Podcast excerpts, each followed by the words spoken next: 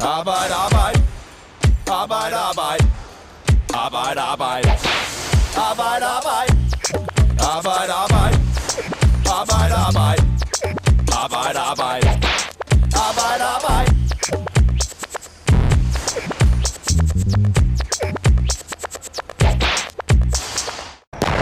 More than 100,000 Russian troops are now gathered on Ukraine's borders with trainloads of troops and equipment moving into i slutningen af januar mobiliserer Rusland sine tropper ved Ukraines grænser. De gør klar til krig, og det får ukrainere til at flygte. Det er blandt mange andre familien Rositski, der på det tidspunkt er Oleksi og hans gravide hustru Daryna. De tager til Spanien, og efter et kort ophold ender de i Danmark. Og her har Folketinget vedtaget en særlov, 91 stemte for. der giver ophold til ukrainere, der er flygtet fra krigen. Lovforslaget er vedtaget. Men i juli får de en overraskende melding fra de danske myndigheder. Familien, der nu består af far, mor og en lille baby, skal ud igen. Årsagen er, at de er flygtet fra Ukraine for tidligt.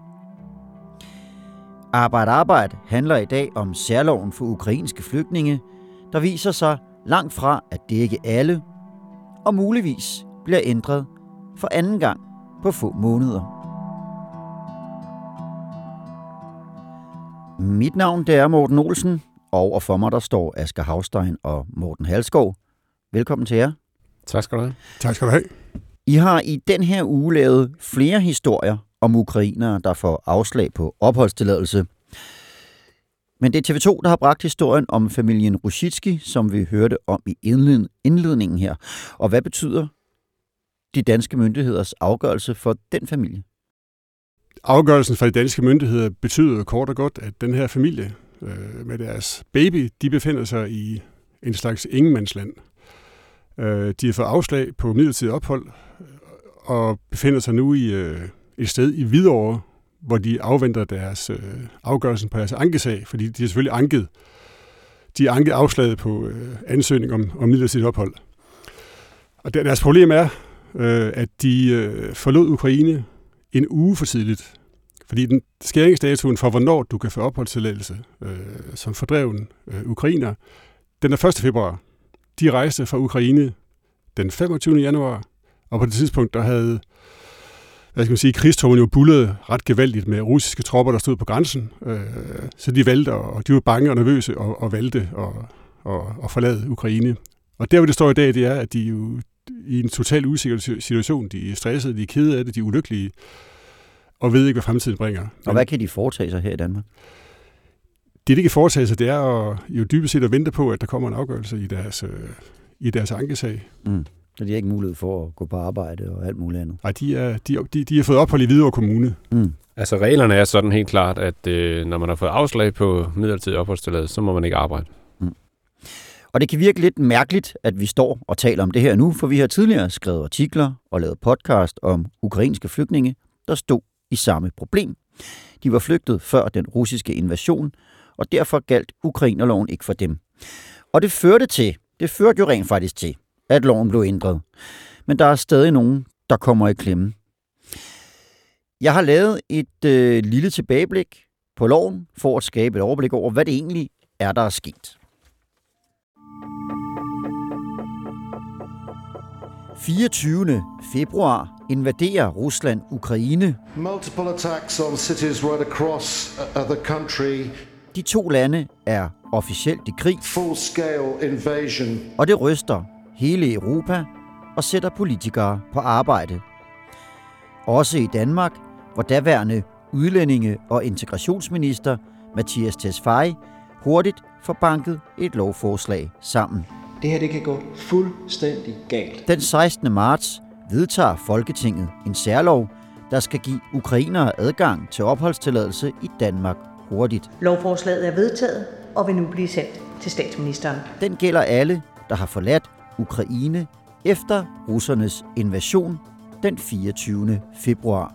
Men det viser sig hurtigt, at mange er flygtet allerede, da russerne begyndte at rasle med sablerne, altså før selve invasionen. Og andre var ude af landet af andre årsager, som for eksempel ferie. Og de er ikke dækket af den nye lov. I maj måned fortæller vi for eksempel om ægteparet Ponomarenko, der er kommet i klemme. De får afslag på opholdstilladelse i Danmark. Og de er langt fra alene. Og derfor bliver loven ændret, så den omfatter alle, der har forladt Ukraine efter 1. februar. Men det viser sig heller ikke at dække alle. Man lavede en lov, der skulle hjælpe ukrainske flygtninge, men den hjalp ikke alle. Så cirka to måneder efter, så ændrede man den. Og det er nu cirka tre måneder siden. Så udover at vi hørte om familien Rusitski her, hvad, hvad er så status nu? Jamen, øh, status er, at den reviderede Ukrainerlov øh, med skæringsdatoen 1. februar, den jo fortsat er gældende. Og, øh, og vores agtindsigt øh, hos øh, myndighederne viser, at 347 ansøgere har fået afslag med den begrundelse, at de er udrejst fra Ukraine inden den øh, 1. februar, som jo er altså skæringsdatuen i den nuværende øh, lov.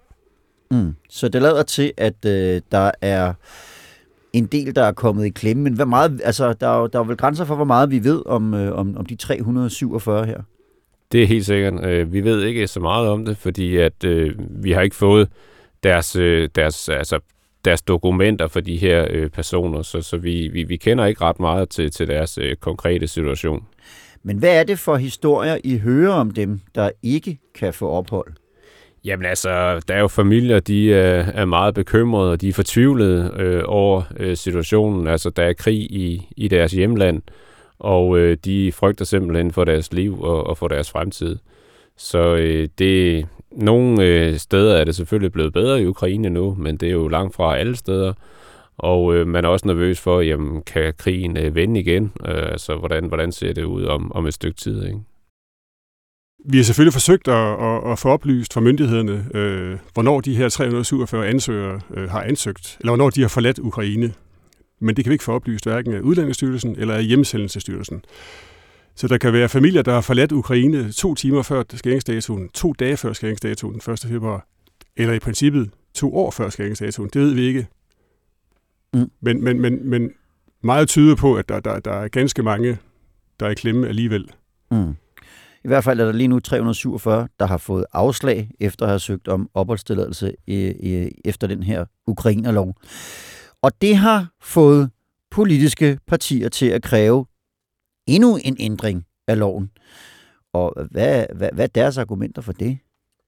Ja, altså de radikale venstre, øh, de, de siger, at øh, jamen, de russiske soldater, de var allerede opmarcheret langs grænsen øh, til Ukraine i januar måned, altså før den her nuværende skæringsdato 1. februar.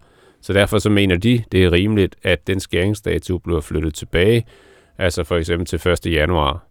Sådan så de mennesker, der er flygtet fra Ukraine i januar, de også blev omfattet af Ukrainerloven øh, her i Danmark. Et andet argument fra det radikale venstre, det er, at øh, vores nabolande, Finland, Sverige, Norge, Tyskland, Øh, de har væsentligt lempeligere regler end Danmark. Øh, I Sverige er skæringsdato nogle måneder tidligere end i Danmark, og de synes bare ikke, det er fair, at Danmark på den måde går enegang i Nordeuropa.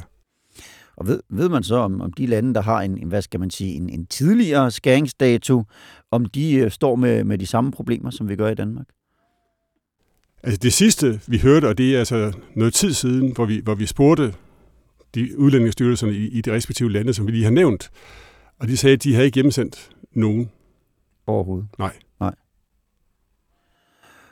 Og hvem, hvilke politiske partier er det, udover de radikale, nævnte du nu her, Morten Halsgaard, men hvem er det ellers, som, som gerne vil have den her lov ændret? Jamen, det er blandt andet øh, SF. Altså, øh, de mener, at den øh, nuværende lov, den er alt for rigid, altså med den her skæringsdato. De mener, at den skal være mere fleksibel, og det skal være en individuel sagsbehandling, altså hvor man ser på, på, på det enkelte menneske fra Ukraine og, og går ind i vedkommendes øh, liv og, og omstændigheder. Øhm, og det skal ikke være en eller anden dato, der er afgørende for, om man kan få ophold i Danmark eller ej. Venstre øh, ønsker, at øh, der bliver kigget på loven igen, øh, for at undgå det, som udlændingordfører Mads Fuglede kalder i godsøjne dumme eksempler. Og, og det er for eksempel sådan noget som familien Rusitski her. Ja. ja. Og øh, den ansvarlige minister, han hedder ikke længere Mathias Tesfaye, han hedder nu Kåre Dybvad Bæk, og han er udlændinge- og integrationsminister.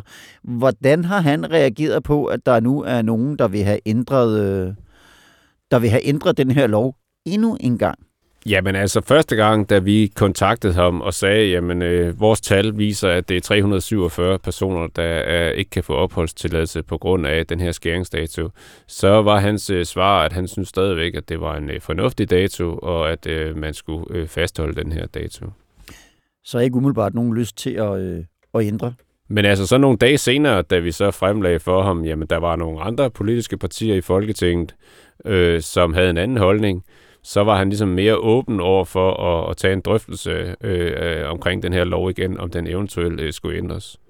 Mm. Det, han udtrykker sådan, at, at altså, han ville være åben for argumenter fra partier, der ønskede at få rykket datoen tilbage. Og øh, sådan nogle argumenter fik han så præsenteret i går. Der var han nemlig kaldt i samråd af SF. Og øh, her der ændrede Kåre Dybvad Bæk måske en lille bitte smule mening. I kan lige høre, hvad han sagde her. Vi valgte en dato til at starte med. Det var der rimelig bred enighed om. Vi flyttede, dat- vi flyttede datoen. Det var der rimelig bred enighed om.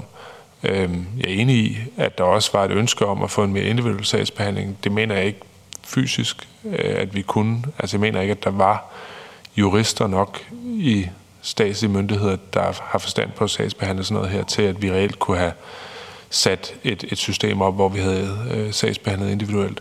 Nu bliver der bedt om, at vi rykker det tilbage yderligere.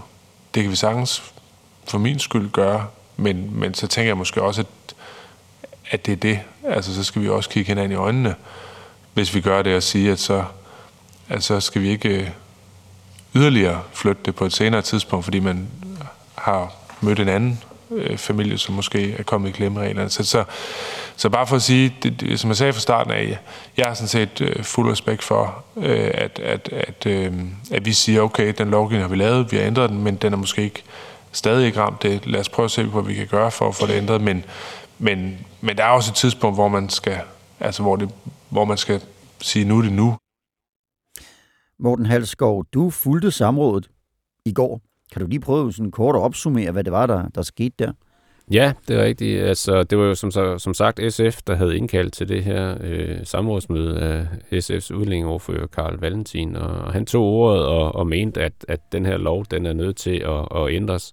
Faktisk så var den her familie, vi har talt om, var til stede øh, i øh, Folketinget. Og Familien Rosicki. Ja, ja, og også, øh, hvad hedder det, borgmesteren i, i Hvidovre var til stede.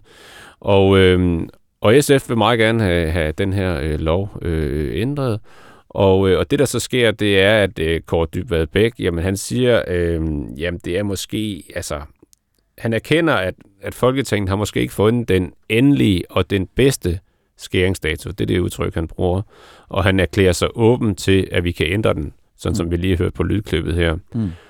Og, øh, og det får den reaktion fra, fra, fra SF, at de er meget øh, positive øh, over den tilbagemelding øh, fra ministeren, og SF beder så om, at, øh, at regeringen øh, vil indkalde øh, til nye drøftelser øh, omkring den her lov, og ministeren går med til, at han øh, indkalder til et nyt møde, hvor, hvor partierne i Folketinget øh, kan drøfte, øh, om loven skal ændres igen. Altså, Kåre Dybvad Bæks øh, relativt lange svar på Karl Valentins spørgsmål, det kan man egentlig godt koge ned, tror jeg, tillade sig at koge ned til, til, til, til to sætninger. Øh, det er i orden at flytte skæringdatoen tilbage, men det bliver sidste gang. Mm. Hvis, fordi ellers så kan vi blive ved med at finde nye enkeltsager, ja. som, som han vist også udtrykte. Men, men der er jo også det forslag, som, øh, og vi hører, han er lidt inde på det her i klippet, som de radikale kom med, at man kunne have sådan en mere individuel sagsbehandling. Og hvis man sad og kiggede på hver enkelt sag med sin sunde fornuft, jamen så kunne man måske undgå, undgå det, som Venstre Mads Fuglede kaldt dumme eksempler. Men hvad, hvad siger han egentlig til det? Jamen faktisk så var det, hvad hedder det, det er SF's forslag, øh, at man kan kigge på en individuel sagsbehandling. Undskyld det var mig. Men ja, SF. Ja, og, og det, er, det er ministeren ikke glad for, fordi han siger, at der har været 32.000 ansøgninger, og man har gennemgået de 30.000 allerede, som har fået svar, enten ophold eller afslag på ophold i Danmark. Og grund til, at man kunne gøre det så hurtigt, det var, at man ikke skulle lave en individuel sagsbehandling. Altså man kunne lynhurtigt gå ind og se for eksempel på nogle datoer, hvornår er folk rejst ud af Ukraine. Så hvis man ændrer på det og vil lave en individuel sagsbehandling, så vil sagerne trække i langdrag mm. af hans vurdering. Så ved at have den her skæringsdato, der har man en meget, meget smidig lov. Ja, og ja. Den, er, den er meget objektiv. Det, det er meget nemt for myndighederne at gå ind og vurdere, er folk berettiget til en opholdstilladelse, eller er de ikke berettiget? Altså, de radikale har også meldt ud, at, at, øh, at de ønsker ikke en, en individuel sagsbehandling, fordi det simpelthen er for, det er for kompliceret. Altså, mm. jura og jura, og en dato og en dato. Mm. Deres ønske, det er, at alle ansøgninger i perioden 1. januar til 1. februar, de bliver genbehandlet. For at se, om der er nogen, der er kommet i klemme. Og øh, vi skal høre lige om lidt, hvordan øh, de, de, de politiske reaktioner har været, men jeg skal lige høre, fordi SF peger jo faktisk også på, eller spurgte øh, Kåre Dybvad ind til et eventuelt hul i lovgivningen. Altså, hvordan man kan få øh, en opholdstilladelse, hvis man nu sidder i Ukra- øh, her i Danmark nu som ukrainer og har fået afslag. Ja, altså som jeg forstod øh, ministerens svar, så betyder det faktisk, at hvis man har fået et, øh, et afslag, så kan man rejse tilbage til Ukraine, altså for, så få stempler i passet, at man er udrejst, øh, man er rejst ind i Ukraine, og så kan man rejse tilbage, øh, når man altså til Danmark igen fra Ukraine, og så skulle man have, have ret til at få en, en midlertidig opholdstilladelse i Danmark. Og det er simpelthen bare lige ind og runde grænsen og så ud igen, så, så vil man være berettiget til det. Øhm, men nu den her øh, åbning, som ministeren han er kommet med, hvordan er der blevet taget imod, imod den blandt øh, de politiske partier? Jamen altså, øh, SF øh, var meget øh, tilfreds øh, med den melding, og synes, det var meget positivt og øh, er glad for, at ministeren øh, nu endelig øh, vil øh, ligesom åbne for en dialog om, om man kan ændre det, og også har sagt, at han er parat til at, at lave den her om igen, øh, altså skæringsdatoen en enkelt gang mere. En enkelt gang mere. Og øh, hvad med, hvad med altså der, der er jo nogle partier, som også øh, ikke er kommet med så mange udmeldinger her. Er der, altså, er, har man nogen anelse om, hvad, hvad den borgerlige fløj generelt siger til det her, udover Venstre? Nej, altså fordi der, der faktisk til, til samrådsmødet, øh, også til SF's store overraskelse, så var der ikke mødt andre partier frem end øh, SF og øh, regeringen, altså Socialdemokratiet. Så, øh, så der var ikke ligesom andre, der tog ordet øh, og, og gav deres øh, holdning øh, til kende. Øh, og som sagt, så var øh, samrådsmødet i går, øh, så vi har ikke øh, efterfølgende nået at, at, at, at snakke med nogen om, hvad, hvad deres holdning til det er øh, efter samrådet. Morten Halskov, og Asger Havstein. I skal have tusind tak, fordi I kom forbi. Man kan følge med i alt om Ukraineloven inde på fagbladet3f.dk. Vi har tidligere udgivet podcast. Der ligger flere artikler, også med cases, der er kommet i klemme, eller med, med ukrainere, der er kommet i klemme. Og så følger jeg selvfølgelig den her øh, forslag om at ændre loven endnu en gang til dørs. Det er klart. Selvfølgelig. Tusind tak, fordi I kom.